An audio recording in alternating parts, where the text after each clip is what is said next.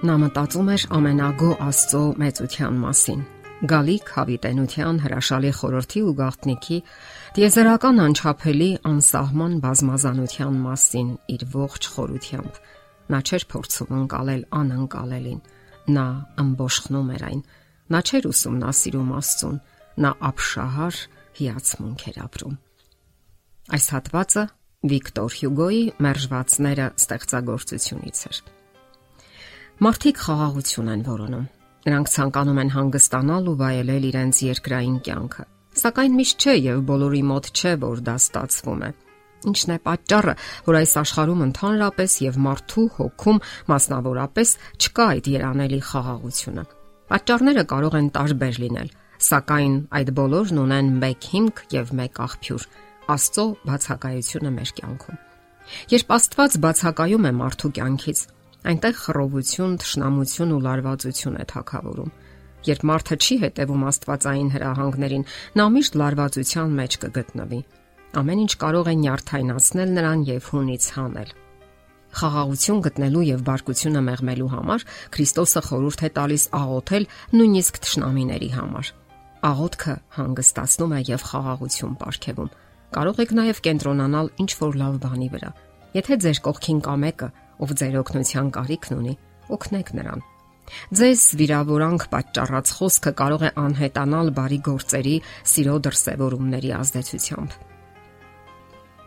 Կա մի խիստ կարևոր կանոն, որն օգնում է իմունիտետ մշակել առաջին հակազդեցությունների ու բարկության դեմ։ Դա լռությունն է։ Աշխատեք լռություն պահպանել։ Միշտ ապեք պատասխանել։ Մեր աշխարհում ընդունված չէ լռություն պահպանելը Սակայն քրիստոնյաները կարողանում են եւ պետք է լռեն։ Մարդիկ շտապում են դուրս թափել առաջին պատահած խոսքը։ Իսկ ահա լռությունը զարմանահրաշ զորություն ունի։ Երբ քո հասցեին գրգռված խոսքեր են հնչում, պետք չէ շտապել պատասխանել նույն դրամով։ Երբ մենք պատասխանում ենք բարկացած մարդուն, դա նույնն է թե մտրակով խփենք նրան եւ ավելի մեծ կատաղության մեջ գցենք։ Իսկ խոհեմ մարդիկ սովորաբար լռում են Երբ մենք լռությամբ ենք պատասխանում բարկությանը, այն սովորաբար մարում է։ Քրիստոսն իրեն խաչողների առումով ասաց. Տեր, ներիր նրանց, որովհետև չգիտեն թե ինչ են անում։ Կարող ենք մենք էլ այդպես վարվել մեր ճշնամիների հետ։ Իսկ մեծ նեղացնողները ավելի հաճախ ոչ թե ճշնամիներ են, այլ մեր հարազատները։ Ահա թե ինչպես կարելի է պայքարել վիրավորանքների ու բացասական արարքների դեմ։ Հակառակ գործողություններով սիրո գործողություններով։ Հարկավոր է գիտակցական որոշում կայացնել, որpիսի չառաջնորդվեք այս ռոպեական զգացումներով։ Հասկանալի է, որ մեզ վիրավորել են, մեզ նեղացրել են, սակայն դրանով աշխարհը չի ավարտվում։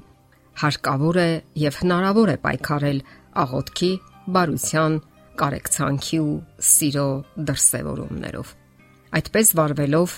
Մենք ազատագրում ենք մեր միտքն ու հոգին այն բացասական զգացումներից, որոնք կարող են խախտել ոչ միայն մեր հոգեկան հավասարակշռությունն ու ներքին խաղաղությունը, այլև ֆիզիկական առողջությունը։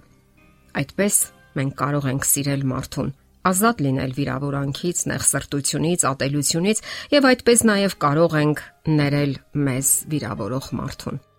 Մի անգամ Հարավաֆրիկյան Հանրապետության նախկին նախագահ Նելսոն Մանդելային հարցրին, թե ինչպես է նրան հաջողվել 25 տարի դիմանալ բանտարկության ծանրությանն ու չկարծրանալ, չդաժանանալ։ Ահա թե ինչ է պատասխանել նա։ Խստասրտությունը ոչնչացնում է մարդուն։ Երբ դուք ատում եք ճշնամուն, նրան եք հանձնում ձեր սիրտն ու բանականությունը։ Այնինչ դրանք հարկավոր է պահպանել ձեզ մոտ։ Մենք կարող ենք ավելացնել Ձեր սիրտը պատկանում է Աստծուն։ Այնտեղ պետք է բնակվի Աստված եւ ոչ թե ատելությունը։ Երբ մարդը նախանձում է, նա զրկվում է խաղաղությունից։ Ուշադրություն դարձնենք այն փաստին, որ Աստվածաշունչը նախանձը դասում է հոգևոր ծանր մեղքերի շարքին։ Կարդում ենք. հայտնի են մարմնի գործերը որ են շնություն, pornokություն, պղծություն, գիճություն, կռապաշտություն, կախարդություն, կռիվներ, նախանձներ, բարկություններ, հակառակություններ, երկպարակություն, բաժանմունք, չար նայվածքներ, սպանություններ, արփեցություններ, անառակություններ եւ ինչ որ սրանց նման են։ Այս հատվածում մենք տեսնում ենք համարյա հնարավոր բոլոր բացասական գծերը, որոնք միայն կարող են նկատվել մարդու բնավորության մեջ։ Ահա թե ինչու նախանձը այնքան էլ թեթև արատ չէ կամ մեղք, ինչպես կարող է թվալ առաջին հայացքից, եւ այն զրկում է մեզ խաղաղությունից։ Իսկ որպես պայքարելու եղանակ, Աստծո խոսքն առաջարկում է իր եզակի մոտեցումը։ Նշում է բնավորության դրական որակները որպես հակակշիռ։ Աստվածաշնչում կարդում ենք. բայց հոգու պտուղն է սեր, ուրախություն, խաղաղություն, երկայնամտություն, քաղցրություն, բարություն, հավատք, հեզություն, ժուշկալություն։ Եթե փորձենք մեր մեջ զարգացնել դրական որակներ, բացասականի համար թերևս տեղ չի մնա եւ բնականաբար կունենանք նաեւ Աստծո առաջարկած խաղաղությունը։ Մեզ կարող է խաղաղություն ապարգևել միայն սերը։ Ինչն է այսօր մեր օրերի բնորոշ նշանը։ Աստծո օրենքի ամենաընդունված անտեսումն ու արհամարանքը սիրո բացակայությունն է, որովհետև Աստծո օրենքը հիմնվում է սիրո վրա։ Աստված սեր է, գրում է Հովանես Առաքյալը, եւ նրա օրենքը սիրո օրենք է։ Ահա թե ինչպես է Քրիստոսը տալիս սիրո սահմանումը։ Սիրիր քո Տեր Աստծուն քո բոլոր սրտով, քո բոլոր անձով եւ քո բոլոր մտքով։ Սա է առաջին եւ մեծ պատվիրանքը։ Երկրորդն էլ սրա նման։ Սիրիր քո ընկերոջը քո անձի պես։ Այս երկու պատվիրանքից կախված են բոլոր օրենքն ու մարգարեները։ Սեր, ահա թե ինչը կարող է Աստվածային խաղաղություն ապարգևել մեզ։ Եթերում է ղողանջ հավերժության հաղորդաշարը։ Ձեզ հետ է Գեղեցիկ Մարտիրոսյանը։